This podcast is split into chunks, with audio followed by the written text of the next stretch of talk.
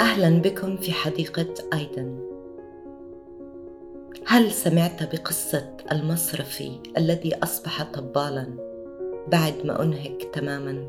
إحنا في معظم الأحيان بنبحث عن أساليب الوقاية بدل من أساليب العلاج لابد إنه تسأل نفسك إذا كنت بتعيش حياتك أم حياة الآخرين هل أنت متأكد إنها حياتك؟ أم إنه إحنا جميعا مبرمجين إنه نعيش حياتنا وفق توقعات الآخرين ورغباتهم. أكيد أنا ما بقترح إنك تقوم بالتمرد على الآخرين ولكني بقترح إنه تعيش حياتك أنت بأفضل حالاتك وأنت بسلام.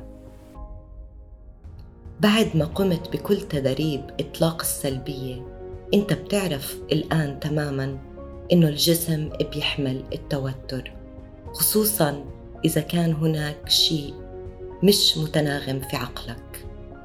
عدم الأريحية في العقل بيخلق المرض في الجسد. ففي اللحظة اللي بتشوف ردة الفعل في جسدك هل بدأت في فهم السبب وراء ذلك؟ هل بدأت بالتعرف على المحفزات اللي أنت متمسك فيها؟ نحن لما منقوم بتدريب الإطلاق على كل ما هو سلبي منصبح أكثر وعي ومنعي بحدسنا وبالأخص لأنه مننظر للأمور من خلال نظرة عامة شمولية. وبالتالي منصبح أكثر سرعة بالتعرف على المحفزات السلبية. الأشخاص اللي بيقوموا بسرقة طاقتك واللي بيقوموا بنقدك ونقد مشاعرك أنت الآن تنتبه لهم. وعندما تجد نفسك بتبحث على أن تكون على صواب اسأل نفسك لماذا تريد أن تكون على صواب؟ هاي الأمور الصغيرة لابد أن نتخلى عنها لماذا لا نبدأ بالاستمتاع بحياتنا أكثر؟ لماذا لا تكون مرن وتغذي نفسك بما هو مهم إلك وتتأكد من إنك عمالك بتعطي أفضل ما عندك وبالأخص لمن تحب هل أنت بتهول الأمور أحيانا؟ هل تتنبأ بالمستقبل بسلبية؟ هل إلك الحق في ذلك؟ هل أنت متأكد إنه الأمور ليست على ما يرام؟ أم إنك عم تتخيل وبتستدعي ذلك؟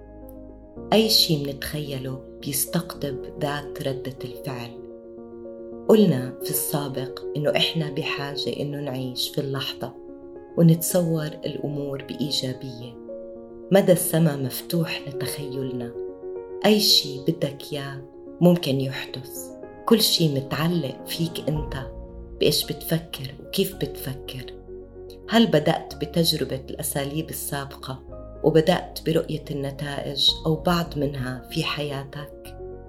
إيش بإمكانك إنك تفعل أو تغير أو تمارس من أجل إنك تدعو المزيد من هذه النتائج الإيجابية لحياتك؟ بودي إنك تجرب أساليب تواصل مختلفة مثل أسلوب الصدمة أو الفكاهة. هناك العديد من الأساليب اللي بوسعك تستخدمها مع الآخرين. جرب ذلك مع طفلك. قد يعجبهم ذلك لأنه الأطفال بحبوا المفاجآت. لما كان ابني صغير كنت في كل يوم أقوم بأخذه من الحضانة. بستخدم معه لغة مختلفة أو بجيب معي مفاجأة. حتى وإن كانت لوحة صغيرة أو قطعة حلوى أو أي شيء آخر. اسمح لنفسك إنك تمتحن ذلك. تمتحن نفسك تحدى نفسك تحدى الحدود. قوم بأشياء مسلية مع الآخرين حتى لو كانت بمكان عملك. قوم بمفاجأة من حولك بأشياء لطيفة وبالتالي رح تعي كم هو سهل إنك تسعد الآخرين. كمان قوم بتجربة شيء جديد في كل يوم لإسعاد الآخرين. وجه انتباهك للخارج إلى الآخرين. من داخلك أنت. وشوف شو رح يصير. إحنا بحاجة إنه نسامح نفسنا ونسامح الآخرين.